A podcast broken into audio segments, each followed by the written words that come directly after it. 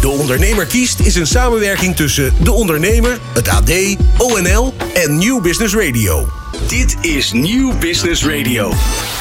Dit is De Ondernemer kiest. Live tot 4 uur vanuit het Ondernemershuis Nederland in Den Haag. Kijk of luister mee via New Business Radio, ad.nl slash economie, de websites van regionale media en deondernemer.nl. Ja, nog twee dagen voor de verkiezingen en de eerste dag van de Week van de Ondernemer. En welkom dus bij het tweede uur van De Ondernemer kiest. Vandaag zijn we nog vijf uur lang te zien en te horen vanuit het Ondernemershuis in Den Haag. Tot vier uur gaan ondernemers in gesprek met prominente politici. Ze krijgen de kans om hun meest prangende vragen te stellen over bestaanszekerheid, de regeldruk, de verhoging van het minimumloon en alle andere onzekerheden waarmee ondernemers te maken krijgt. Op de LinkedIn-pagina van de ondernemer is een poll te vinden. En eh, de poll die luidt als volgt. Weet jij als ondernemer al op welke partij je gaat stemmen? Straks voor 4 uur de definitieve uitslag. De stand is momenteel 64% schrijft ja, dat is voor mij duidelijk. En nee, ik twijfel nog steeds. Het staat nu op 36%. Straks om 12 uur gaan we in gesprek met Hilde Palan Mulder van het CDA. Tussen half 1 en 1 komt Laurens Dassen van Volt aan het woord. En na 1 uur praten we met Joost Eerdmans van Ja 21. Rond 2 uur komt GroenLinks PvdA Mariette Partijn aan het woord. En daarna schuift tot half 3 Mona Keizer aan van de BBB. Waarna om 3 uur nog één keer in gesprek gaan met Pieter Omzicht. Tussen de interviews door gaan we duiden met Hans Biesheuvel, voorman van ONL en de gastheer van vandaag in het Ondernemershuis. En eh, naast hem schuift ook consumentenpsycholoog Patrick Wessels aan. Nu in de tweede uur zometeen Jan Paternotte van D66 en daarna Pieter Omzicht. Live vanuit het Ondernemershuis Nederland in Den Haag is dit De Ondernemer kiest. Presentatie Jonathan van Noord en Ron Lemmens. Ja, en we gaan hier in de studio nog eventjes uh, voortpraten met uh, Pet, uh, Patrick Wessels. Patrick, ja, we hebben nu het eerste uur erop zitten. we hebben nog vijf uur te gaan. Wat verwacht je eigenlijk nog te horen? Wat zou je graag willen horen vandaag? Nou ja, ik wil vooral heel veel concrete antwoorden horen eigenlijk. En ik wil die gesprekken met die ondernemers graag, graag horen. En dan bedoel ik niet dat je langs elkaar heen praat door als partij te vertellen wat je van plan bent. En de ondernemer mag uitleggen wat dan zijn uitdagingen zijn. Want dat hebben we net toch een heel klein beetje gehad eigenlijk. het is veel leuker als je daadwerkelijk dat gesprek aan kunt gaan. Dus ik, ik hoop daar heel erg op. Uh, dat die ondernemer daadwerkelijk dichter bij de politiek komt en andersom. Uh, we hebben volgens mij meer debatten dan ooit uh, op televisie al gehad ook. die, die politiek probeert dichterbij te komen. Hoe heb je daar naar gekeken overigens? Nou, kijk, uiteindelijk is het best wel moeilijk vind ik om daaruit nou op te maken welke partij het beste bij je past. Hè? Uiteindelijk heeft het ook te maken met hoe goed iemand in debatten is bijvoorbeeld, om maar eens wat te noemen. dus daarom vind ik het zo leuk om nu die brug te maken naar hoe die politici in het gesprek gaan met een ondernemer zelf. Het is niet een debat wat je niet helemaal kunt voorbereiden. Hè. Die ondernemer gaat dingen terugvragen. Uh, de, dus ik vind die debatten soms wel wat nou ja, gespeeld bijna. Uh, en nu gaan we de echte gesprekken horen. En dat vind ik toch eigenlijk veel interessanter. We gaan snel uh, door. Dit is De Ondernemer kiest op Nieuw Business Radio. De ondernemer aan het woord. Ja, Rattenplan heeft 34 kringloopwinkels in Noord-Holland, Zuid-Holland, Utrecht, Flevoland, Overijssel en Gelderland. Directeur Gert-Jan Dekker stuurde de volgende vraag in. Door de verhoging van het minimumloon worden alle lonen opgestuurd. En deze lagere lonen worden over het algemeen niet betaald door multinationals met aandeelhouders en grote winsten, maar juist in het MKB waar de marges smal zijn. Hij merkt daarbij op, even voor de duidelijkheid, ik ben voor bestaanszekerheid en ik ben het met D66 eens dat we in Nederland geen inwoners zouden moeten hebben die in de, onder de armoedegrens leven. Maar de schouders van het MKB kunnen dit dus niet dragen. De vraag is, hoe kijkt D66 hiernaar? We gaan naar Paul van der Bos, hoofdredacteur van ADR en Hans In gesprek met Gert-Jan Dekker en Jan Paternotte van D66. De ondernemer aan het woord. Goedemorgen. We gaan inderdaad snel verder. D66 aan tafel aan de linkerkant. Jan Paternotte, de nummer 2 van de lijst. Running mate dus, van, uh, van Objetten. Ja, dat is een Amerikaans begrip, hè, de running mate. Dus maar ja, het is niet alsof ik nou vicepresident word nee, als Objetten het goed doet. Maar uh, wel, uh, ik probeer Objetten wel te helpen waar dat lukt, ja. Welkom. aan de andere kant Gert-Jan Dekker, ondernemer. Stichting Rattenplan. Wil je heel in het kort, wil u, we hebben gesproken, ik zeg u, jullie mogen je tegen elkaar zeggen. Um, wat is Stichting Rattenplan? Stichting Rattenplan is een uh, stichting die zich inzet voor mensen met een afstand tot de arbeidsmarkt. Zoveel mogelijk betaalde arbeidsplaatsen wil creëren. En dat doen we met kringloopwinkels. Daarmee willen we ook de circulaire economie natuurlijk aanjagen. Om zoveel mogelijk producthergebruik uh, te realiseren. En we hebben 34 kringloopwinkels in Nederland. Heel veel. En 1700 arbeidsplaatsen. Ja, sociaal ondernemen dus ook, hè? Sociaal ondernemen. Ja. En je had een concrete vraag aan D66 en uh, meneer Paternotte. Ja. Nou ja, die, mijn vraag gaat over het wettelijk minimumloon. Uh, ik zie natuurlijk dat, uh, dat om bestaanszekerheid uh, te, te, realiseren... we het minimumloon willen verhogen. Dat zie ik bij heel veel partijen, ook bij uw partij. Of bij jouw partij, mag ik misschien zeggen. Ik, ik, ik maak me als ondernemer daar een beetje zorgen om. ik zie dat we de afgelopen jaren al 25% loonsverhogingen hebben moeten betalen. Daarnaast hebben we nog coronaschulden. We zien dat onze huren omhoog gaan. We zien eigenlijk dat we natuurlijk, en dat willen we ook, de duurzaamheid meer moeten bevorderen. Ja, de vraag is hoe gaan we dat betalen en hoe kijkt u daarnaar? Hele concrete vraag, meneer Paternotte. Ja, sowieso Rattenplan is inderdaad een ontzettend mooi bedrijf. En uh, uh, voor de circulaire economie en voor duurzaamheid en dus ook voor het klimaat van groot belang. En ehm, ja, ik snap heel goed de, de, zorg van je wilt um, dat mensen fatsoenlijk inkomen hebben waar ze van rond kunnen komen. Dat vinden wij ook. Dat is denk ik ook een mooi Nederlands principe. Maar ja, juist de zorg van dit zou wel eens extra druk kunnen opleveren bij kleine MKB'ers, die, waar de marges heel smal zijn. Die hadden wij ook in ons achterhoofd toen we ons programma gingen maken. En juist daarom hebben wij gezegd, ehm, we gaan een vrijstelling invoeren op de werkgeverspremies. Want heel veel mensen denken natuurlijk 16,50 euro. Nou, dan, dat wordt dan een minimumloon, dan moet de ondernemer dat betalen. Maar nee, je moet veel meer betalen dan dat natuurlijk. Omdat je ook nog allemaal werkgeverslasten hebt die je als werknemer niet ziet. Maar die wel betekenen dat de uurkosten voor een werkgever nog eens een stukje hoger zijn. En er komt natuurlijk inderdaad volgend jaar ook nog eens de stelselwijziging op het minimumloon bij. Dus wat we daarmee hebben gezegd is, we moeten een vrijstelling invoeren bij die uh, werkgeverspremies. Waardoor kleine MKB'ers juist erop vooruit gaan. En dat is ook wat het Centraal Planbureau, uh, die hebben ons programma doorgerekend. Dat vinden we heel belangrijk om te doen. Ja. Uh, om te zorgen dat je ook laat toetsen van, uh, klopt het wel wat je allemaal beweert? Dat doen de meeste anders, partijen overigens, hè, de meeste. De meeste partijen doen dat. ja, en anders is het toch ook een beetje gratis bier. En als er één club is die natuurlijk weet dat gratis bier niet bestaat, dan zijn het ondernemers in Nederland. Uh, dus wij hebben het laten doorrekenen. En wat het Centraal Planbureau ook zegt, is dat het programma van D66, dat maakt het aantrekkelijker om mensen in dienst te nemen, juist voor kleine ondernemers. En dat komt denk ik heel erg tegemoet juist aan deze zorg. Um, want ja, er zijn inderdaad multinationals die best grote winsten maken. Die behoorlijk ruime marges hebben. Die natuurlijk met grote aantallen werken. Terwijl juist voor een kleine ondernemer is één iemand extra in dienst nemen... voelt als een enorm groot extra risico. Dus ik, uh, nou ja, die oproep die snap ik heel erg goed. En dat is ook waarom wij dat, uh, het zo hebben opgebouwd in ons programma. Dus wel het minimumloon omhoog. Maar de loonkosten voor kleine werkgevers juist omlaag. Dat blijft vaak de paradox van ondernemerschap en van het bedrijfsleven. Die paar grote bedrijven in Nederland bepalen uiteindelijk het beeld van het hele bedrijfsleven.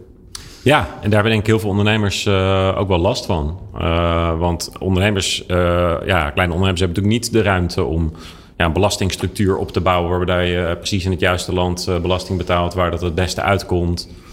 of om een inkomensstructuur of om even flink te gaan knippen in de BV's. Dat doe je allemaal niet. Dus dan heb je wel te maken met dezelfde lasten, maar niet met dezelfde lusten. terwijl ja, ondernemers, de meeste grote bedrijven zijn ook ooit begonnen vanuit een heel goed idee en een hardwerkende ondernemer die daar iets moois van wil maken. En dat, kijk, wij zijn een sociale partij, maar we vinden het ook mooi als iemand door hard werken en door goede ideeën te hebben veel geld kan verdienen. Want dat geeft uiteindelijk dynamiek aan de maatschappij en het levert ook heel veel banen op. en hetzelfde geldt voor mensen die ja, vanuit sociale verantwoordelijkheid een heel mooi bedrijf weten neer te zetten. Een beetje gerustgesteld of niet? Ja, dat stelt wel gerust inderdaad. Kijk, wij hebben de afgelopen jaren al wel gezien dat we, we ondanks dat we het niet willen, onze prijzen toch hebben moeten verhogen. En uh, ja, we, ook wij dragen natuurlijk een stukje bij aan de bestaanszekerheid, want uh, wij verkopen natuurlijk producten voor een lage prijs. Zeker. Uh, dus ja, we zagen het wel als een soort spookbeeld dat we nu nog weer verder zouden moeten verhogen, wat eigenlijk niet meer kan. We zitten eigenlijk aan onze grens. Dat voelen we. En dan de volgende stap zou zijn dat we met minder werkgelegenheid hetzelfde werk zouden moeten doen. Wat we ook weer niet willen. Dus we willen eigenlijk alle ballen hoog houden. En dat voelt nu een beetje ondernemer van... We zien een soort spookbeeld op ons afkomen van nog meer uh, van loonsverhogingen. Ja, dus dat, dit stelt wel degelijk gerust. Ja, het is sowieso mooi wat jullie uh, doen. Want ehm, mijn, mijn broer die werkt via de sociale werkvoorziening in een ziekenhuis. Nou, die zou niet zo makkelijk zelf een contract kunnen krijgen, een minimumloon. Maar via de sociale werkvoorziening wordt het toch mogelijk gemaakt dat hij daar werkt. Maar ja, daardoor heb ik wel gezien, hij werkt nu al meer dan 20 jaar. Hoe belangrijk het is dat je naar betaald werk kan. en gewoon dat je collega's hebt en meedoet. En hij doet ook eigenlijk niet echt iets anders dan zijn collega's. Alleen het is in de uren natuurlijk iets meer beperkt. En ja, er zijn net iets andere verwachtingen. nou ja, wat jullie doen door mensen met afstand tot de arbeidsmarkt die werkplek te geven, uh, dat, is, dat, is, dat is goud waard. En als we, dat, uh, als we dat laten vallen, dan heb je als maatschappij heel veel andere problemen. Dan zat hier net uh, een horecaondernemer, hè, het uur ervoor. En die zei, ja, je kan het minimumloon kan je verhogen... maar dat werkt natuurlijk door in de andere schalen in een bedrijf. bijkomend nadeel is dat uiteindelijk iemand die net binnenkomt... en op dat niveau binnenkomt, net zoveel verdient als de afdelingshoofd, wat uh, nog steeds ook in die lagere schalen zit. Dus dat uh, andere mensen, want die lonen worden bij kleine bedrijven niet opgetrokken, dat kunnen ze niet, zei hij, niet, zich niet veroorloven. Die mensen dreigen dan af te haken, want ze zeggen: Ja, ik werk hier al vijf jaar. En iemand die net een week binnen is, heeft hetzelfde loon als ik. Hoe willen jullie dat uh, compenseren? Hoe willen jullie dat in ieder geval reguleren? Nou, op zich, we hebben een hele krappe arbeidsmarkt natuurlijk. En ja. uh, zeker in de horeca zitten mensen echt te springen om uh, personeel. Um, en uh, nou ja, volgens mij helpen we juist ook heel erg horecabedrijven... door de loonkosten voor werkgevers te verlagen. Het scheelt zo'n 10,9 procent voor de gemiddelde kleine ondernemer... met wat wij doen. En dat is ook waarom het Centraal Planbureau zegt... dan wordt het aantrekkelijk om meer mensen in dienst te nemen. Hopelijk trekken we ook weer wat meer mensen de arbeidsmarkt op. Het is natuurlijk wel zo, er zitten zijn bijna nooit zo weinig werklozen geweest als nu. Dus dat is in de horeca ook geen sinecure. Maar ja, ook dat is natuurlijk een reden voor bijvoorbeeld studenten om te zeggen: Nou, oké, ik ga toch een dagje extra uh, werken. Uh, als je iets meer betaald kan krijgen. Zonder dat de werkgever daar nou heel veel extra last aan heeft. Dus ja, we hopen eigenlijk dat dit eraan bijdraagt dat we meer mensen op de arbeidsmarkt krijgen. Maar daar moeten we wel meer voor doen. we hebben ook gezegd, asielzoekers bijvoorbeeld in Nederland, zitten er enkele tienduizenden in het AZC. Bijna niemand daarvan werkt omdat het bijna niet mag. We zagen met de Oekraïners die naar Nederland kwamen, dat die zijn een jaar, anderhalf jaar geleden gekomen, vooral vrouwen. De meerderheid van de volwassen Oekraïners heeft nu betaald werk in Nederland. En de reden dat dat is gebeurd, is dat het mag. Dus daarom denken we, ja, maak dat nou ook mogelijk voor asielzoekers.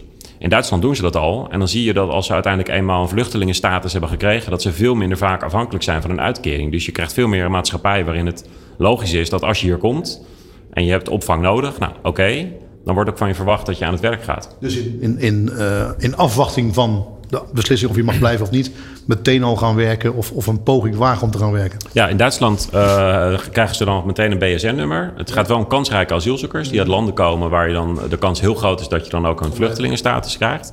En dan inderdaad, uh, ja, binnen een paar weken kan je dan betaald werk gaan zoeken. En dan zie je in Duitsland dat een heel groot deel van de vluchtelingen dat dan ook doet. Nou, dat betekent ook dat je uh, voor die werkplekken die zij innemen, hoef je niet iemand anders te halen of een arbeidsmigrant bijvoorbeeld. Dus dat helpt ook een beetje voor de druk op de woningmarkt. En het zorgt dat meer, minder mensen in een uitkering zitten. Dus ja, waarom we dat niet doen? Ja, en hoe langer je mensen thuis laat zitten of helemaal niet laat deelnemen aan het arbeidsproces, hoe groter die afstand tot de arbeidsmarkt ook wordt. Hè? Dus als je mensen twee jaar niks ja. laat doen, uh, dan is de kans dat je ze weer gewoon 100% het werk krijgt, wordt steeds kleiner. Ja. Dus hoe eerder je eigenlijk mensen weer deel laat nemen aan het werk, en dan, dan doen ze ook weer mee in de maatschappij. Ja, ik hoorde Wouter Bos vorige week op de televisie zeggen. Um, die zei ja, over de zorg, over de politie. Laten we nou niet doen alsof we, als we ze meer gaan betalen, dat die mensen er zullen zijn. We zullen moeten accepteren dat we gewoon minder mensen hebben. Dat sommige taken niet meer gedaan, misschien dat u het gezien heeft, meer, minder taken kunnen doen. Dat we sommige dingen gewoon niet meer kunnen doen in onze maatschappij. Wen eraan. Bent u al zover in de politiek in Den Haag of niet? Ja, wen er maar aan. Ik, wat op dat zich... mensen uiteindelijk niet meer in die getallen zullen komen. Nou, we hebben een krapte en die is voorlopig niet voorbij. Dus da daar heeft hij gelijk in. Maar wat ons betreft betekent dat wel wat keuzes maken. Want we zijn ook de parttime kampioen van Europa. En uh, op zich vind ik het heel mooi dat mensen de ruimte hebben om te zeggen... ik wil parttime werken. Ik ben zelf een jonge vader. Nou, in mijn werk lukt dat dan niet. Maar ik vind het heel begrijpelijk. En dat geldt voor mijn partner dan ook nu dat je als jonge ouder zegt: vier dagen per week is wel even goed. Want dan kan ik ook iets vaker mijn kind zien, kan ik wat bijdragen aan de opvoeding en dan is het ook uh, te doen. Maar dat je al begint uh, met parttime werken na, na de opleiding of de studie. Het zou wel mooi zijn als mensen een goede reden hebben om te zeggen: Ik wil wel gewoon fulltime of in ieder geval vier dagen gaan werken.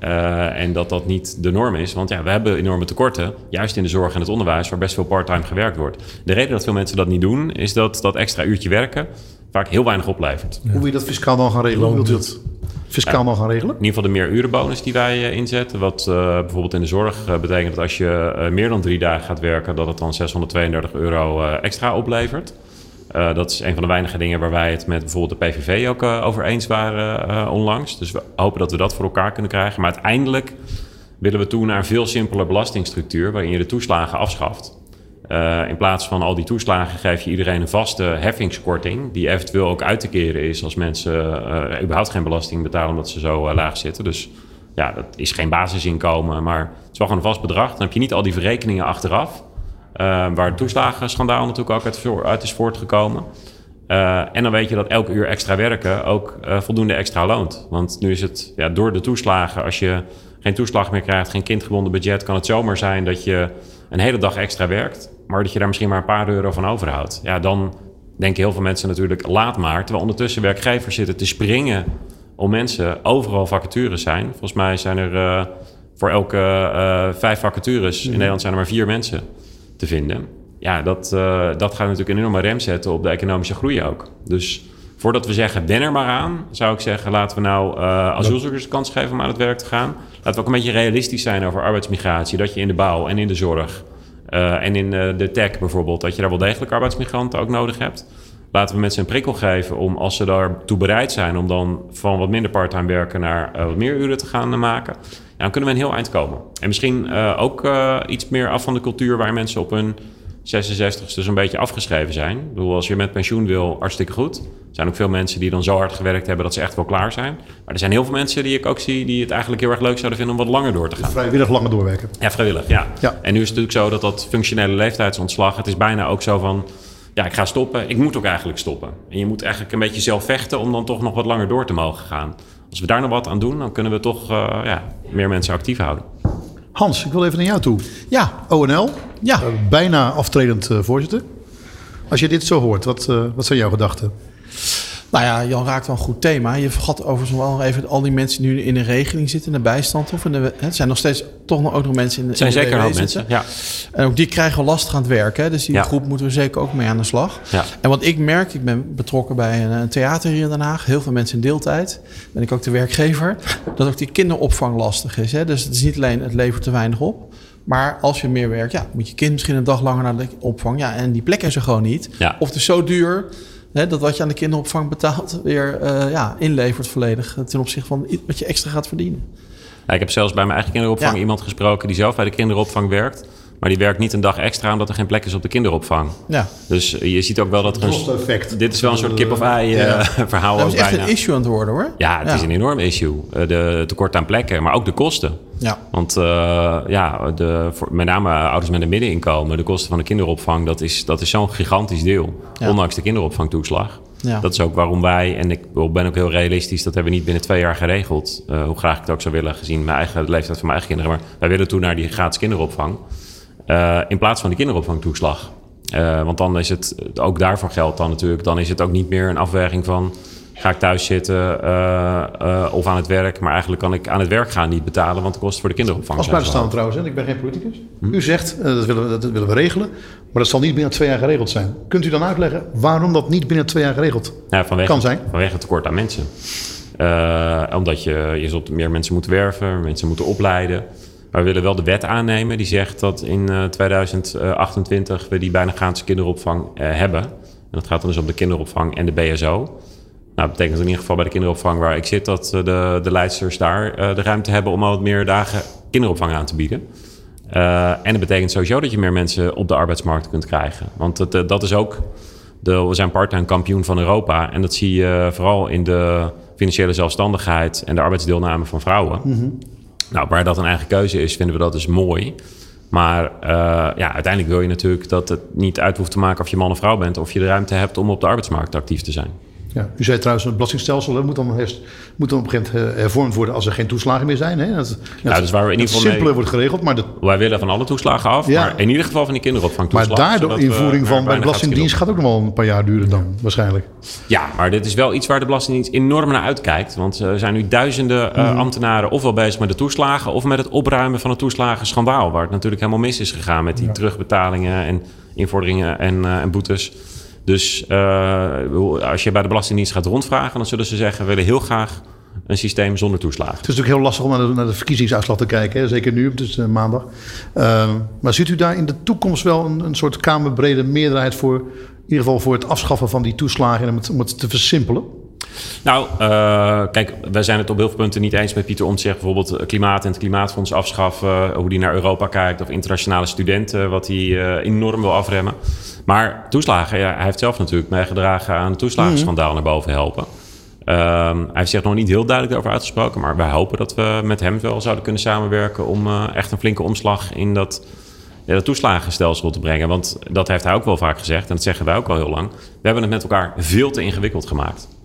We zijn in Nederland echt fantastisch in als overheid om te zeggen: we hebben heel veel doelgroepen en die willen we allemaal zo goed mogelijk helpen. Dat is ook heel goed. Maar als je het op een gegeven moment zo ingewikkeld maakt en dan weer met terugvorderingen dat je mensen niet meer aan het helpen bent, maar dat we met elkaar iets gecreëerd hebben waarin aan het werk gaan vaak niet meer loont en je mensen in de problemen brengt met terugbetalingen, dan moeten we echt bereid zijn om de moeilijke keuze te maken om te zeggen: van het toeslagenstelsel naar een veel simpeler systeem. En dat stelsel van, van de ingewikkelde hè, regels komt dan altijd terug bij de burger en bij ondernemers. Ik geef Ja. Ja. het woord. Nou, Hans? Jan mag nog één één zo'n ingewikkeld probleem voorleggen. Hè. Ik ben de afgelopen week land in geweest. Ook hier de stad Den Haag weer. Bij wat ondernemers. En zeggen ja, die emissievrije zone wordt dan volgend jaar in Den Haag ingesteld. Nou, ik wil een elektrische bus aanschaffen. Maar ja, ik kan hem niet betalen. Dat is ontzettend duur. Twee keer zo duur als mijn huidige bus. Maar het grootste probleem, ik kan hem niet opladen. Want krijg geen Ja, laadpunt. de laadcapaciteit. Dus, laadcapaciteit. Dus ja, kan je dan aan ondernemers gaan vragen van ja, hè, de emissievrije zone. Terwijl je als overheid echt de randvoorwaarden hem niet op orde hebt. En dan wordt het toch heel complex om te ondernemen. Ja, het, bedoel, ook hiervoor geldt eh, dat het, even horen Rob Jetten, best een frustratie is dat eh, de, zijn voorgangers niet al tien jaar geleden waren begonnen met dat net verzwaren. We zijn op zich op dit moment laadpaalkampioen van de Europese Unie. Maar eh, de capaciteit, dat gaat echt een probleem zijn. Eh, daarom heeft eh Rob Jetten ook gezegd, ja, dit moet opgelost worden en snel. Want het zit heel veel ondernemers en ook burgers en grote bedrijven in de weg. Dus we gaan nu zonder vergunningen gaan we al aan de slag met het net verzwaren van de transformatorhuisjes tot de hoogsspanningsmasten en de kabels. Eh, om zo snel mogelijk dat net eh, zoveel mogelijk te kunnen verzwaren. Want eh, het is inderdaad, er zijn die laadpalen er. En als je dat busje aan die laadpaal zet, laat hij dan ook snel genoeg op. En dat geldt natuurlijk voor mij als burger dat ik een nachtje even laden en dan overdag naar mijn werk rijden en s'avonds weer terug, dat het prima is. Maar een ondernemer die de hele dag rondrijdt, Precies. ja, die heeft gewoon nodig dat je, dat, dat je niet urenlang hoeft te wachten voordat die is opgeladen. Ja, Dat geldt ook voor de vrachtwagens natuurlijk. Er zijn echt te weinig laadpunten op dit moment om eh, vrachtwagens elektrisch op te kunnen maar ja, afgezien van het feit dat er nog niet zoveel vrachtwagens zijn, bijvoorbeeld die passend zouden zijn voor eh, verschillende bedrijven. Er zijn er ook gewoon nog niet. Nee, nee dus dat, eh, de, ja, die innovatieslag die, eh, die hebben we wel nodig. Ja. Ja. als overheid moet je, eh, moet je zorgen dat de voorwaarden eh, op orde zijn. Maar moet je dan niet gewoon zeggen, joh, de emissievrije zones, dat komt gewoon te snel? Want er maken zoveel ondernemers zich er nu zorgen over. En die staan dan nu wel voor de investering. Stel, je moet nu je bus vervangen. Ja, wat ga je doen? Ze zijn, de elektrische bussen zijn nog niet beschikbaar altijd. Je Nee. kan die laden. Tegelijkertijd denk je, ja, volgend jaar kan ik die stad niet meer in. Wat, wat moet je dan doen als ondernemer? Ja, dit is de, uiteindelijk bepaalt de gemeente Den Haag of er een emissievrije Ja, is maar een zone voorbeeld, maar het is heel veel Ik plekken, vind wel dat de gemeente daar natuurlijk heel goede afspraken over moet maken. Ja. Eh, want het heeft inderdaad niet zoveel zin om van mensen iets te verwachten wat ze niet kunnen doen. Ja, Eh, dus dat ben ik met je eens. Ehm, ja, op zich is het wel eh, goed dat je eh voor verduurzaming duidelijk maakt van wat verwachten we nou de komende jaren. Wanneer kan je wat verwachten? Ja. Eh, welke hulp kun je daarbij krijgen? Dan weet je als ondernemer ook waar je rekening mee moet houden. Want als ik echt één klacht altijd hoor van ondernemers in welke sector dan ook, dan is het onvoorspelbaarheid vanuit de overheid. De onbetrouwbare overheid werd het vaak vaak genoemd, hè? Ja, In andere eh, woorden. Ja, Ja. nou ja, dat is. En, eh, kijk, eh, volgens mij is die, die verduurzaming, die vergroening, iets waar eigenlijk iedereen van zegt: of het is nodig, of ik wil er ook graag in voorop lopen. En dat laatste is denk ik ook terecht, want de nieuwe economie is een groene economie. Dus als je voorop loopt, heb je een voordeel. Maar die willen dan wel weten van waar kan ik op rekenen. Dus Pieter Omtzigt die zegt nu dat klimaatfonds, dat wil ik weer schrappen. Die wil het geld weer halen uit normeren. Ja, ik denk dat je dan een beetje het realisme mist van eh, voor zowel ondernemers als grote bedrijven, die moeten snel een omslag maken. Die hebben daar ook hulp bij nodig. Dus daar heb je wel degelijk ook subsidies bij nodig en belastingkortingen. En dan ga je het niet alleen maar redden door de normen aan te scherpen. Want dan, eh, ja, ik snap dat je zegt, je stelt een norm en de markt past zich wel aan. Maar voor heel veel kleine ondernemers geldt dat de marges zo zijn dat je niet kan aanpassen. Nou ja, de nieuwe energiebesparingsplicht waar we nu mee te maken hebben bijvoorbeeld, die, die verplicht ons natuurlijk om allerlei maatregelen te nemen die we in vijf jaar terug kunnen verdienen. Ja, Dat zou ik heel graag zelf willen doen als onderneming. Van nou, eh, geef mij de lijst, ik ga deze maatregelen nemen. Maar er zijn 166 maatregelen op die lijst. Dus wij kunnen niet meer zonder ondersteunende bedrijven deze energiebesparingsplicht doorvoeren. En ik Jullie denk, hebben, een daar advies, jullie hebben even voor de, voor de leken, hè? Jullie hebben een adviesbureau eigenlijk nodig om die lijst te kunnen invullen. Ja, en, Invullen. ja.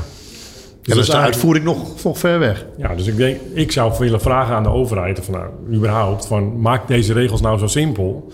Eh, kies dan tien van de meest voor de hand liggende maatregelen die je als ondernemer kan nemen. Zodat ik als ondernemer kan zeggen, nou, deze ga ik allemaal doen. En eh, ik ga er morgen mee beginnen. Terwijl nu, ja, ik moet gewoon een bedrijf in de arm nemen om dit te gaan regelen. En, dan daarnaast heb ik nog een, een, eh, een auditplicht. Eh, dus om al die maatregelen eh, per bedrijf nog te gaan eh, na te lopen. Van wat bes- bespaart ons dat nou?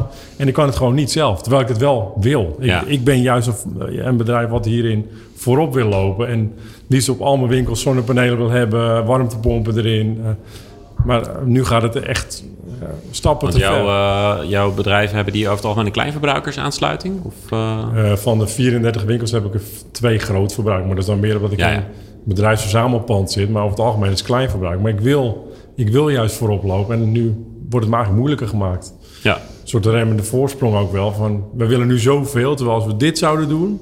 Zou, dan in mijn ogen zouden veel meer bedrijven dan veel, veel sneller... Ik in ieder geval die stappen kunnen zetten. Die is ook concreet, deze. Zeker. Nee, dit is een van de redenen waarom wij eh, ook hebben gezegd... want eh, eh, we hebben in Nederland natuurlijk een energiestelsel... waarin de grootverbruikers veel minder energiebelasting betalen. En daar valt van alles over te zeggen natuurlijk... maar dat wordt dan een fossiele subsidie ook genoemd. Terwijl het kleinverbruikers zijn die de hoogste energiebelasting betalen. Ehm, ja, wij willen dat wat eerlijker maken... door de energiebelasting voor de kleinverbruikers te verlagen... En voor de hoogste schijf, dus dat zijn echt de allergrootste allergrootste jongens. eh, om die dan eh, wat te verhogen. Dan, schaf je, dan bouw je een fossiele subsidie meteen eh, voor een deel af. Eh, En dan help je ook de, de kleinste ondernemers en de, kleine, en de huishoudens. Ik wil tenslotte nog even naar Pieter Omzicht. De naam viel een paar keer. Ja, Dat is de naam waar je heel politiek Haag natuurlijk mee bezig gaat natuurlijk. Die kwam gisteren met de mededeling dat hij wel premier zou willen worden. Maar dan moest wel het kabinet een zakenkabinet was, worden. Dat is natuurlijk iets wat in ondernemerskring ook vaak wordt gezegd. Hè? Een zakenkabinet is nog nooit vertoond bijna hè, in, in Nederland. Ziet u dat voor zich en zou u kunnen zeggen... nou, voor ondernemers zou het wel goed zijn... als er een ondernemer minister van Economische Zaken zijn. Het aantal ondernemers op de lijst is eh, afgenomen. Hè? Zoals bij de ondernemerspartijen VVD. Ziet u dat zitten? Gewoon deskundigen van allerlei vlakken. ik geloof dat de VVD zelfs geen enkele ondernemer in de Tweede Kamer eh, heeft. Wij hebben er nog eentje. Op de lijst wel, op de lijst wel. Maar, lijst dat, wel, oké. ja, dat is Ja. wel, maar ziet u dat, zi- ziet u het zitten? Dat voorstel van omzicht om gewoon maar een kabinet te gaan maken. Onder Ja. van de premier en dan een zakenkabinet te maken, los van de politiek. Het valt wel op dat omzicht natuurlijk wel veel van koers eh, wijzigt eh, ten aanzien van wat hij wil. Maar kijk, op zich, eh, het idee van dat je mensen met verstand van zaken in een kabinet hebt. En wij hebben Ernst Kuipers op Volksgezondheid gezet, een arts, directeur van een ziekenhuis. En je merkt ook dat hij meteen autoriteit heeft, omdat hij, ja, hij hoeft zich niet in te lezen. Hè? Hij weet precies waar het over gaat. We hebben Robert Dijkgraaf, die eh, wetenschapper is, uit het hoger onderwijs komt. Die is nu minister van Onderwijs. En eh, volgens mij wordt hij zeer breed gewaardeerd ook. Gunnar Oesloe was ondernemer. Die is uh, staatssecretaris cultuur geworden. Maar voor cultuur ondernemerschap natuurlijk helpt dat ook. Ja, daarmee hebben we eigenlijk mensen van buiten gehaald. En dat werd toen gezien als revolutionair. Dat is een keuze die Sigrid Kaag toen maakte. Ik vond het heel mooi. Eigenlijk een soort een zakenkabinet avant la lettre. Wat jullie, wat jullie betreft. Dat hebben we op zich ook wel eerder gedaan. Els Borst was natuurlijk eh, eh, arts, eh, gezondheidsraad voordat ze minister werd. Hans Weijers kennen we misschien nog uit de jaren Mhm. negentig. minister van Economische Zaken toen. Zou je kunnen zeggen, ook iemand uit het bedrijfsleven op die, op die plek. Nou, dus eh, op zich is dat mooi. Ja, ik weet niet of je nou moet zeggen dat elke minister dan... eh, want ja, moet er dan een ingenieur op, eh, op infrastructuur en waterstaat? En moet hij verstand hebben van, van spoorrails? Of moet hij, De vraag is, stel eens hem het beantwoorden. of moet hij verstand hebben van de circulaire economie, waar je dan ook over gaat? Maar dat het niet per se alleen maar Tweede Kamerleden hoeven zijn die ministers worden. Ja, wij hebben dat al laten zien. Dus eh, als je dat wil, zou ik zeggen, stem eh, D66. Je kunt trouwens ook eh, stemmen op Ernst Kuipers en Robert Dijkgraaf en Gunnar Oester, want ze staan op de lijst. Tot zover de uitzending van politieke Dus dat is partijen. echte zaak. Laatste vraag. Ehm, de peiling van Wilders, hè, oh, de positie van Wilders in het afgelopen weekend, dat bepaalde een beetje de politieke discussie afgelopen weekend.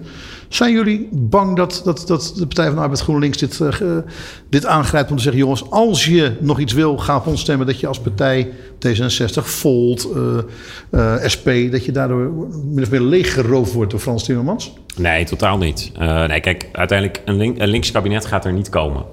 Er is geen linkse meerderheid. Die zie je in de peiling op geen enkele manier ontstaan. Dus in die zin eh, gaat het ook helemaal niet om eh, hoeveel zetels GroenLinks en Partij van de A halen. Wij zijn wat in opmars in de peilingen. Je ziet daar dat het ietsje achteruit gaat. Ik denk dat dat ook komt omdat mensen zien dat D66 een partij is met duidelijke idealen, maar die ook wel altijd voor elkaar wil krijgen. Die echt voor de resultaten gaat. Uh, en ja, wat is nou de allerbeste garantie als je niet wil dat Wilders een regering gaat vormen. Dat is iets wat ik wel zou willen zeggen tegen mensen die nog een beetje twijfelen over omzicht of de VVD. Ja, uh, als je niet wil dat de VVD of omzicht met Wilders een kabinet gaan vormen, stem dan op een partij waarvan je zeker weet dat je een middenkabinet kunt krijgen. En dat is met D66. Uh, en dus dat is een mooie oproep, denk ik, aan alle liberalen in Nederland. Ja, dat dacht Sofie wil... Hermans een uur geleden anders over hoor. Ja, maar goed, de VVD heeft wel dit ook mogelijk gemaakt. Die hebben de deur wijd opengezet voor uh, dat Wilders weer in beeld kwam. Elf jaar lang zei Mark Rutte, nee, dat gaan we niet doen. Dat zou funest zijn voor Nederland. Hij was onbetrouwbaar. Hij zet een miljoen Nederlanders, een hele bevolkingsgroep, zet hij weg. Uh, als, als, als tweede rangs mensen. Dat gaan we niet doen. En van de zomer was het ineens, nou, misschien gaan we het wel doen. Ja, ik denk dat dat een enorme fout is geweest. Uh, dus ik hoop, dat, uh, ja, ik hoop dat de VVD er nog op terugkomt. Maar ik zie dat nu in ieder geval niet gebeuren. Maar ik weet dat een kwart van de VVD-kiezers ook niet wil dat er een kabinet met Wilders komt. Nou, dan zou ik zeggen, stem op een andere liberale partij. D66 namelijk. Dan uh, weet je zeker dat dat kabinet er ook niet gaat komen. Want ja, laten we wel bedenken, wat gebeurt er nou als Wilders in zo'n kabinet komt? Met wat hij zegt over de Europese Unie? Of, ja, heel kort. Ja, of over, over uh, migratie. Uh, het zou, of over klimaat. Dat hij er geen cent aan wil uitgeven, behalve een beetje de dijken verhogen. Het is echt voor het ondernemersklimaat in Nederland funest als hij aan de macht komt. Mag ik u bedanken en heel veel succes wensen deze week. Uh, meneer Dekker bedankt. Hans Biesheuvel bedankt. En we gaan het volgende onderwerp. Dit is De Ondernemer kiest. Live tot 4 uur vanuit het Ondernemershuis Nederland in Den Haag. Kijk of luister mee via New Business Radio, ad.nl slash economie, de websites van regionale media en deondernemer.nl. Wat is er zojuist nou precies gezegd? Daarover praat ik na met Patrick Wessels, consumentenpsycholoog. Hij duidt vooral hoe politici hun boodschap, over, uh, boodschap overbrengen. En ook aangeschoven wederom Hans Biesheuvel. Hij kijkt of politici wel hetzelfde zeggen als in hun programma staat.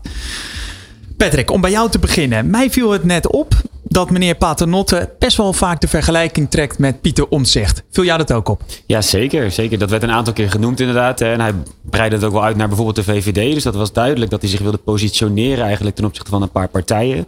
Uh, dat is ook wel een logische manier natuurlijk. En sowieso nou ja, had hij heel duidelijk ofwel het heel goed voorbereid... of hij heeft heel veel talent om het heel goed te doen. Dat was een totaal ander gesprek dan, dan voorheen eigenlijk, het uur daarvoor. Um, hij had uh, gestudeerd op, ik moet even kijken... parttime kampioen van, uh, van, Nederland, van Europa. Uh, laadpaalkampioen van de Europese Unie. Dus er zaten een aantal dat soort trucjes in eigenlijk... om dat maar helder naar voren te brengen. Waardoor een ondernemer hopelijk meteen snapt wat ze willen. Uh, dus hij had dit heel goed opgebouwd. En, en nou ja, hij sprak heel rustig. En zo'n rustige toon geeft vertrouwen. Een wat lagere stem geeft vertrouwen. Dus al dat soort dingen klopten eigenlijk in dit gesprek. En daardoor werd het een heel ander gesprek dan voorheen um, uh, met de VVD. Ja, toch nog even op die vergelijking met, met, met Pieter Omzicht. Hoe belangrijk is het voor een politicus, voor een partij... om je duidelijk af te zetten tegen een, uh, tegen een tegenstander. Nou ja, dat helpt om, om he, de positionering. Kijk, als iemand twijfelt over misschien is de partij van Pieter Omtzigt wat voor mij, dan is het heel prettig om te weten hoe andere partijen zich verhouden tot die partij. Zo van, nou ja, als ik het dan net niet helemaal interessant vind, wat krijg ik dan als ik D66 zou kiezen? Dus dan is het heel prettig dat hij even in een bijzin eigenlijk nog zegt dat Pieter Omtzigt toch regelmatig van koers lijkt te veranderen, om zoiets kleins te noemen. He, dat, dat geeft weer een beetje het verwarrende karakter er eigenlijk aan. Wat moeten we er nou van verwachten? Een beetje prikken, een beetje steken? Ja, natuurlijk. We hebben gewoon gezien, hij heeft, eh, Pieter Omtzigt heeft heel lang gewacht met allerlei dingen bekendmaken. Het was heel lang onduidelijk, wil je dan zelf premier worden? Nou, uiteindelijk geeft hij daar dan uiteindelijk wel antwoord op. Uh, maar die onzekerheid, dat is natuurlijk een soort van zijn Achilleshiel. En daar, daar wordt nog even slim op ingespeeld op deze manier. Ook dat is of weer puur talent of handig voorbereid om dat toch nog even ergens te verwerken. Dan ben ik toch benieuwd hoe Hans Biesheuvel uh, daarnaar kijkt. Jij kent uh, Jan Paternotte al, al heel lang. Zeker. Is dit de geslepen politicus of het politieke talent? Nou, ik, ik, denk van beide een beetje. Kijk, ik, bedoel, ik heb hier in Den Haag geleerd in 13 jaar. Je moet wel een beetje geslepen zijn, dan gaat het niet. Ik heb dat een beetje van Hans Wiegel geleerd. Een oude tycoon uh, uit de Nederlandse politiek. Die zei altijd, ja, je moet geen harde tackles doen. Maar een sliding op de bal, dat mag af en toe wel. En dat heb ik onthouden. Uh, maar goed, je moet er ook wel natuurlijk uh, inspelen op wat er nu gebeurt. Kijk, we zien dit weekend natuurlijk dat Wilders op... ja, ja, zeg je dat, opstijgt in de peilingen. Hè? en dat is natuurlijk toch een risico voor ja, een rechts echt een rechtskabinet.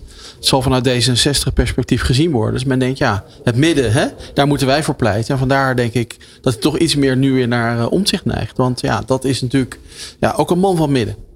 En Hans, het uh, minimumloon viel uh, wederom uh, weer. Hoe kijk jij uh, daarnaar? Nou, daar maak ik me heel veel zorgen over. Kijk, dat minimumloon is al met 25% gestegen de afgelopen tijd. Nou, dat gaat nu op 1 januari weer omhoog.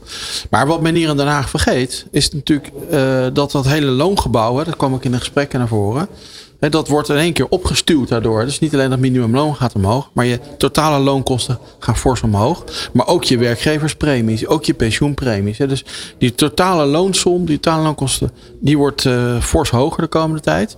En dat doen we dan in de periode dat alle kosten al fors omhoog gaan. Dat kwam met de twee ondernemers vanochtend allemaal voorbij. Hè? De huur, de, loon, de, de, de energiekosten. Ja, uh, en dan wordt het natuurlijk lastig als je dan ook nog eens een keer schulden hebt om die allemaal netjes terug te betalen. Dus die druk voelen ondernemers enorm. Dus die woorden van minimumloon klinkt allemaal hartstikke mooi. We zijn er allemaal voor dat mensen meer verdienen. Hebben ze ook meer te besteden. Maar het moet wel ook eerst verdiend worden om het allemaal te kunnen doen. Ja, Patrick, dan kijk ik gelijk ook even uh, naar jou toe. Zo'n verhoging van het minimumloon. Dat is voor een consument een ontzettend sympathiek standpunt. Mm -hmm. Want ja, die gaat er immers op, uh, op vooruit op zijn loonstrook. Ja. Denk jij dat het voor partijen lastig is om enerzijds die consumenten willen bedienen. En aan de andere kant ook ja, sympathiek over te willen komen naar de ondernemer? Ja, nee, ik denk dat dat een lastige paradox is aan de ene kant. Aan de andere kant hebben we net eigenlijk van meneer Paternotte gehoord hoe je dat handig doet. Hè? Hij gaf heel duidelijk aan, ik weet precies wat zo'n ondernemer meemaakt. Namelijk dat het niet alleen maar gaat om dat gecommuniceerde minimumloon. Maar dat er veel meer werkgevers lasten omheen horen. Dus die gaf eigenlijk aan, ik snap beide kanten heel goed. En ja, we zijn er natuurlijk voor die, die consument die uiteindelijk rond moet kunnen komen. Noemde hij ook een paar eigen voorbeelden bij. Hij is ook jonge, ouder en dergelijke. En heeft met al die dingen te maken die die consument ook merkt. Aan de andere kant begrijpt hij de ondernemer. En is het eigenlijk een beetje, we hadden het er eerder over, de klassieke rol die de VVD altijd had. Namelijk, ik sta naast je als ondernemer. Dat lijkt in één keer D66 veel beter te passen. In ieder geval zo presenteert hij zich heel erg. Door die beide kanten te belichten en ook de concrete voorbeelden te geven. Ja, Hans, we hoorden je uh, bij Sophie Hermans zeggen. Ja, de VVD is misschien toch wel een beetje uh, uh, wat verder weg komen te staan van de ondernemer. Denk jij dat D66 die rol als ondernemerspartij kan overnemen? Nou ja, kijk, dat punt hè, van die werkgeverslasten verlagen. Nou, daar is D66 heel duidelijk in. Hebben we natuurlijk ook goed in die doorrekening gezien. Daar ben ik ook blij mee. Want daarmee is D66 een van de weinige partijen die dat echt concreet benoemt, zeg maar wijst er wel op dat ze natuurlijk in de afgelopen coalitie steeds partner van de VVD waren. En net zo hard hebben meegewerkt om die last alleen maar op te voeren. Dus ook bij D66 zeg ik wel van nou, mooie woorden, maar nu ook waarmaken. Uh, daar ben ik dan wel benieuwd naar of ze echt van gaan knokken mochten ze in de coalitie komen. Ja, over mooie woorden gesproken. Een zin die ik hier uh, eventjes heb genoteerd. Ik weet niet meer van wie die precies kwam. Maar in ieder geval, we hebben het veel te ingewikkeld gemaakt. En dan ging het over de, uh, de, de toeslagen. Hè? Dat er zoveel potjes en uh, systemen, loketten zijn. Het is een geluid wat we al, denk ik, verkiezing op verkiezing horen. We gaan het makkelijker maken, maar het gebeurt niet. Dat zeggen de ondernemers hier. Denk je dat er deze verkiezingen verandering in gaat komen, Hans? Nou ja, het wordt nu wel door bijna alle partijen gezegd. Hè? Het is links en rechts zegt het nu. Dus dat is wel een groot verschil. In het verleden zeiden vooral rechtse partijen het. Nu zeggen ook linkse partijen het. Iedereen ziet natuurlijk dat dat stelsel volledig vastgelopen is. Hè? Niet alleen in de, uit, de uitvoering. Maar je merkt ook de Belastingdienst kan het simpelweg gewoon niet meer aan. Hè? Die complexiteit. En als burger ben je het overzicht kwijt. Maar neem van ook als ondernemer. Het is geen ondernemer meer die zonder een belastingadviseur uh, zijn werk uh, kan doen. Nou ja, Gert-Jan uh, zei het. Ik moet een bureau ja, inschakelen. Ja, ja, ja, en die kosten lopen op en je, je kan het zelf niet meer overzien. En dan wordt het ook moeilijk om al die lange termijn beslissingen te nemen als je het overzicht niet hebt. Dus er moet overzicht komen, moet simpeler, moet duidelijker. En ik hoop echt dat men nu zegt, oké, okay, af van de mooie woorden op dit vlak, doorbijten. Want hoe, hè, hoe het kan, die plannen, die rapporten zijn honderd keer geschreven. Het is gewoon een lef tonen en het gaan doen. En bij welke partijen zie jij dan daadwerkelijk die concrete plannen om van die regeldruk af te komen en van al die toeslagen? Nou, ik, wat ik net zei, kijk, uh, zelfs PvdA GroenLinks zeggen nu wel, hè, ook zelfs de SP zegt wel, ja, het is te complex geworden, we moeten snijden. Ja, die willen dan weer helemaal andere dingen die ik niet wil. Maar, die, maar dat besef, hè, dat, die, dat het toeslagenstelsel echt uh, mes in moet worden gezet, dat voel ik wel heel breed. Ik, ik, ik, spreek ook regelmatig met de Belastingdienst. Ja, die hebben op dit moment zo'n complexe situatie dat ook, ook al gaat de politiek voortvarend besluiten nemen. Het zal nog jaren duren voordat we het merken. Want ja, in de systemen op dit moment ja, is het helemaal niet mogelijk. Ja, dat hoorde ik Paternotte ook zeggen. Ergens in 2028 zou dat dan misschien pas uitvoerbaar worden. Maar je, ziet het, je ziet er bijvoorbeeld een heel concreet voorbeeld. Hè? Op de laatste Kamerdag, 26 oktober, zijn allerlei moties aangenomen. Bijvoorbeeld, hè, we willen de, de rente verlagen op studieschulden. Nou, en de volgende dag is die motie aangenomen. De volgende dag meldt de Belastingdienst leuk. Maar voor 2026 kunnen we het niet uitvoeren. Dus het klinkt wel stoer. Eh, maar in de praktijk is het ingewikkeld. Patrick, dan wil ik nog heel even naar jou toe als het gaat om D66 als partij. In de peilingen moet je niet altijd van uitgaan, hè, maar het, uh, ze staan uh, ervoor als de partij met de meest verloren zetels in de in de peilingen. Vorige keer hadden ze juist heel veel succes met Sigrid Kaag. Werd mhm. ook wat Kaag-effect genoemd. Hoe kijk jij daar, uh, daarnaar? Nou, het is eigenlijk interessant inderdaad als peilingen laten zien dat, dat de boel daalt. Want, in het gesprek geeft hij aan, we zijn juist een groeiende partij en we zijn juist in groei bezig. Uh, dat is simpelweg sociaal bewijs, de psychologische tactiek om ervoor te zorgen dat meer mensen gaan denken, ik wil me graag aansluiten bij. We vinden het prettig om vooruit te gaan. Dat geldt voor ondernemers, maar dat geldt denk ik veel breder. Daarnaast is natuurlijk de D66 altijd progressief en dat past heel goed bij innovatief. Hoorden het net ook van ondernemer. Die wil graag vooruit, die wil verduurzamen, die wil van alles. Die heeft dat bureau nodig, dat is ingewikkeld. Uh, dus daar, daar past dat profiel heel lekker bij. Dus op die manier zie ik wel een goede kans voor D66 om zich te positioneren als die partij voor ondernemers, mits die vooruit willen. En dat willen er heel veel. Dus dat, dat maakt heel lekker vorige verkiezingen wonnen ze juist heel veel door uh, Sigrid Kaag hè, als uh, de beoogde premier zelfs. Denk je dat ze zo'n ja, type leider nu missen? Nou, ik denk niet dat het effect er nu is, inderdaad. Nee, dat klopt. En, en dat missen ze misschien wel. Um, maar juist ook een ondernemer vindt het volgens mij heel prettig om vanuit inhoud te kijken naar wat er belangrijk is. En dan kan het weer heel fijn zijn om voor jezelf als het ware aan te geven. Ik kies niet zomaar voor een persoon, maar ik kies voor het partijprogramma. En ook dat past eigenlijk weer heel, heel lekker. Dus ik denk dat het D66 wel goed uitkomt, dat dat effect nu heel anders is. Dankjewel Patrick Wessels en Hans Biesheuvel voor de duiding. Dit is tot 4 uur De Ondernemer kiest op Nieuw Business Radio. Ja, vorige week sprak ik met Pieter Omzicht. Hij kan er vandaag helaas niet bij zijn, maar vorige week was hij er wel. Hij is de voorman van Nieuw Sociaal Contract. Hij ging samen met Hans Biesheuvel in gesprek met de Utrechtse modeondernemer Daan Broekman. En Daan die wilde weten hoe ondernemers weer vet op de botten kunnen krijgen. Nou, kijk, wij hadden, wij hadden voordat corona kwam, hadden we een, uh, een spaarpot van een miljoen uh, gespaard. Um, om uh, onze verbouwing van, of renovatie, grootschalige renovatie in de binnenstad van Utrecht te kunnen betalen. En dat project kost 7 miljoen, dus je moet 6 miljoen gaan lenen. En ja, corona kwam. dat is ondernemersrisico, heb ik gehoord. en, ehm, en de spaarpot is leeg, dus we moeten een miljoen meer lenen. Ehm, en dan de winkel komt daar terug waar we, waar we zaten. Um, want we zijn nu tijdelijk verhuisd. En boven de winkel komen 14 nieuwe appartementen.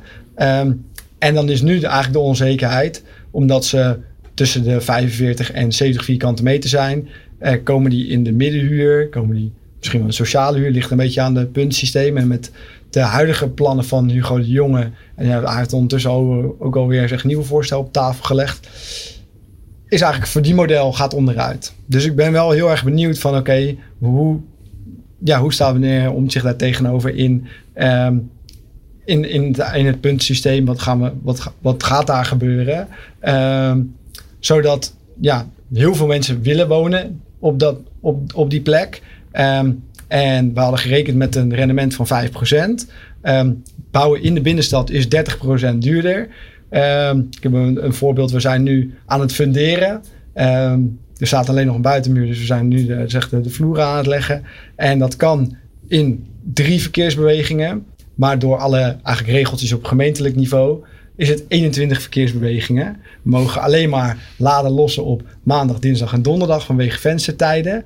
Tussen 7 en half 12. Dan moeten we opbouwen en afbouwen in, in die, in die tijden. In, in uh, of tussen die tijden. Dus ja, het is ontzettend moeilijk om dat te bouwen. Nou, dus ik denk dat we de, een van de laatste ondernemers zijn in Utrecht die dit doen. En ook om de spaarpot op te bouwen. En dan willen we de spaarpot opbouwen. Maar als we dan de, even van de huidige kabinet, wat natuurlijk zeg, ik denk dat de plannen uiteindelijk zeg wel aangepast gaan worden. Maar ja, ik ben heel benieuwd van wat gaat daar gebeuren. Zodat ik uiteindelijk wel een gezond rendement heb. Want anders dan ja, gaan we een familiebedrijf, gaan we het vastgoed wel ja, moeten afstoten misschien wel. Hoe kijkt u daarnaar, meneer Ontzeg? Nou, ik vind het lastig om even op individueel project te reageren. Ja. Dus uh, ik, ik, moet hier een klein beetje in algemeenheden doen. ik moet altijd lachen om de regels in Utrecht. Dan denk ik, ja, als je dat college hebt, dan krijg je deze regels. Dan kiezen jullie daar zelf voor. Maar dat is even een persoonlijke uh, noot daar. Kijk, um, uh, een van mijn grote prioriteiten, een van onze grote prioriteiten zal zijn om aan het begin van de regeerperiode om tafel te gaan zitten met zowel de woningbouwcorporaties als met de pensioenfondsen, als met de werkgevers, als met maatschappelijke initiatieven. Het is geen of, of, of. Het is en, en, en. Dus wij zullen aan die woningbouwcorporaties vragen: wat hebben jullie nodig? Er staan nu mensen 10, 15 jaar op wachtlijsten. Uh, we hebben een schreeuwend tekort aan uh, sociale uh, huurwoningen. wij waren het enige land ter wereld. de VVD en, en, en, en, en PvdA hebben dat samen ingevoerd bij Rutte 2. Dat je een, een verhuurdersheffing hebt. Dat is een, was een belasting op betaalbare woningen. Wij doen echt dingen op de woningmarkt waar iedereen in het buitenland van denkt: hoe verzin je het? hier lukt het. die is nu gelukkig afgeschaft, maar het heeft wel geleid tot woningbouwcorporaties die in de jaren 80 nou, soms 70.000 woningen per jaar bouwden, nu ver onder de 20.000 zitten. Dus, hè, en als je dat maar jarenlang te weinig bouwt, dan weet je dat je goed klem komt te zetten. Tweede is die pensioenfondsen. Daar zullen we ook echt op uitdagen. En ik hoop ook dat de werkgevers en werknemers daaraan mee willen doen. Van dit zijn ook onze eigen mensen die in de problemen komen. Hoe kunnen we langjarig een redelijk rendement maken? Zodat we het redelijk committeren in onze eigen uh, Nederlandse economie. Omdat onze eigen omdat hier mensen niet, niet, niet goed een woonruimte kunnen vinden. Dus eh, die vraag zal in de, in de, in de SER uh, en waar dan ook aan de orde komen van jongens, wat willen jullie? En ten derde ook gewoon aan de werkgevers. En de werkgever kan een ziekenhuis zijn dat gewoon weer flats voor verpleegkundigen gaat bouwen. Maar dat kan ook gewoon een school zijn. Of dat kan ASML, die doet het nu. Goed, ASML natuurlijk geld zat. Uh, zeg ik maar even. Dat, heb je, hebben we deze vragen niet bij. Krijg je nooit vragen van over het minimumloon. Maar uh, vroeger, Philips deed het vroeger ook. Uh, in, in, in, in, in Hengelo deed Stork het ook. Die bouwde woonwijken voor zijn eigen personeelsleden. Dus um, we zullen het rendabel moeten houden. En tegelijkertijd, en ik zeg maar, dat is, dat is natuurlijk, is, de, uh, is het afbouw van de huurbescherming een beetje te ver doorgevoerd. Dus, dus je ziet politiek ook die beweging van te veel mensen die tijdelijke huurcontracten hebben. En ook dat belemmert je heel erg op momenten dat je enige vastigheid in je leven wilt hebben. Een vast arbeidscontract en tenminste een koopwoning of een vast huurcontract zijn wel twee prettige dingen als je een gezin wilt opbouwen. Maar dan moet het ook een beetje rendabel blijven. Ja. Zou je ervoor zijn om bijvoorbeeld hè, ook fiscaal te stimuleren dat bedrijven eigen vermogen aanhouden? Ik ben zelf bijvoorbeeld ook ondernemer in België geweest. Mm heb je de notionele aftrekken. Als je een eigen vermogen hebt, hè, wij, wij stimuleren eigenlijk aftrek van rente bij vreemd vermogen. In België, als je boven een bepaald niveau eigen vermogen hebt, mag je een stukje aftrekken van de belasting voor dat eigen vermogen. Dat heet dan notionele aftrek. Zou je daarvoor zijn in Nederland? Nou ja, kijk, voor zo'n soort systeem? Nou ja, wat ik in ieder geval nu probeer is in ieder geval de, um, uh, het aanmoedigen van vreemd vermogen wat tegen te gaan. Ja. Um, dat zie je ook, uh, want het zijn juist die buitenlandse pandjesbazen die, um, met, uh, die, die eigenlijk de winst vrij makkelijk kunnen exporteren, zeg ik er even bij. Want die kunnen dat vrij makkelijk ervoor zorgen dat dat niet hier belast wordt. In vergelijking met wat jij betaalt. Dus dat is ook nog best wel oneerlijk. Um, ik ben er wel voor om het eigen vermogen beter te behandelen. Maar um, als je me nu vraagt, hebben wij in de, door, in de plannen die we hebben liggen. Extra geld klaar liggen voor notionele aftrek? Is het, is het antwoord, die, die zitten niet in de plannen. Uh, maar in het nieuwe belastingstelsel, waar, kijk, wat we nu willen is dat we de komende vijf, zes jaar gaan werken aan een nieuw belastingstelsel. Het gaat de komende vier jaar niet lukken, dat zeg ik maar gewoon bij. Maar je moet het wel voorbereiden. Dus het komend kabinet moet de voorbereidingen gaan treffen. Wat ons betreft begint het met een parlementaire commissie die kijkt of er brede draagvlak is. Dus niet als we straks een regering met 76 zetels krijgen, dan moet je niet denken van dat die regering ook de volgende regering is. Dan moet je wat brede draagvlak hebben voor belastinghervorming. En dan vind ik wel degelijk dat je gewoon terug moet naar het, uh, naar het, uh, naar het echte schetsboek van wat is draagkracht. Want nu is de hele belastingstelsel gaat alleen maar over prikkels. Maar een belastingstelsel is niet om te prikkelen, het is gewoon om belasting op te halen. Omdat we dingen moeten betalen met z'n allen. Dan vind je het nog steeds niet leuk hoor. Dus ik bedoel dat. Uh, nee, begrijp je wel. Maar um, en dan moeten we ook maar eens over vreemd en eigen vermogen gaan praten. Want we hebben in Nederland wel erg makkelijk uh, vreemd vermogen. Uh, ja, constant eigenlijk een beetje bijvoorbeeld bevoordeeld ten opzichte van eigen vermogen. En dat is waarom ik toen ik de doorrekenen, toen ik de plannen van de andere partijen zag, ook echt wel verbaasd was over um, over de belasting op, op, die box 2, op dat ja. box 2 vermogen. Ja, dat, dat, ja, dat, dat hakt er flink in, hè? Dat kan er flink in hakken, ja. ja. ja. ja. Nee, want je ziet natuurlijk nu, nou, er zijn al 200.000 bedrijven die, nou, die coronaschuld hebben. Nou, ik ben niet voor kwijtschelden, ik ben, ik ben wel voor terugbetalen. Mm -hmm. Maar iets meer lucht zou niet gek zijn.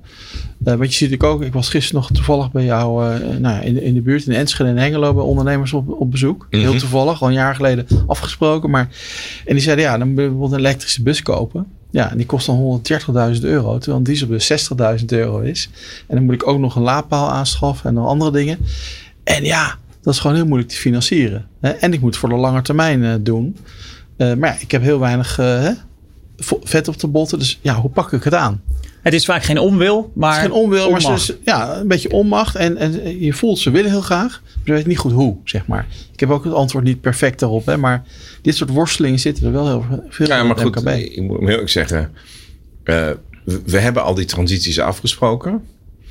En als je kijkt, zijn ze altijd uitvoerbaar en haalbaar voor iedereen? Dan is het antwoord, daar wordt wel eens even iets te weinig naar gekeken. Precies, ja. En nou, je kent mijn uh, weerstand tegen Tesla's en andere dingen. We hebben miljarden subsidies betaald voor heel weinig klimaatwinst. Soms nul klimaatwinst. En uh, ja, we zullen een stuk van, we zullen van fossiele brandstoffen af moeten. Dus laat daar ook even geen misverstand over bestaan dat we, hè, dat, we dat niet doen.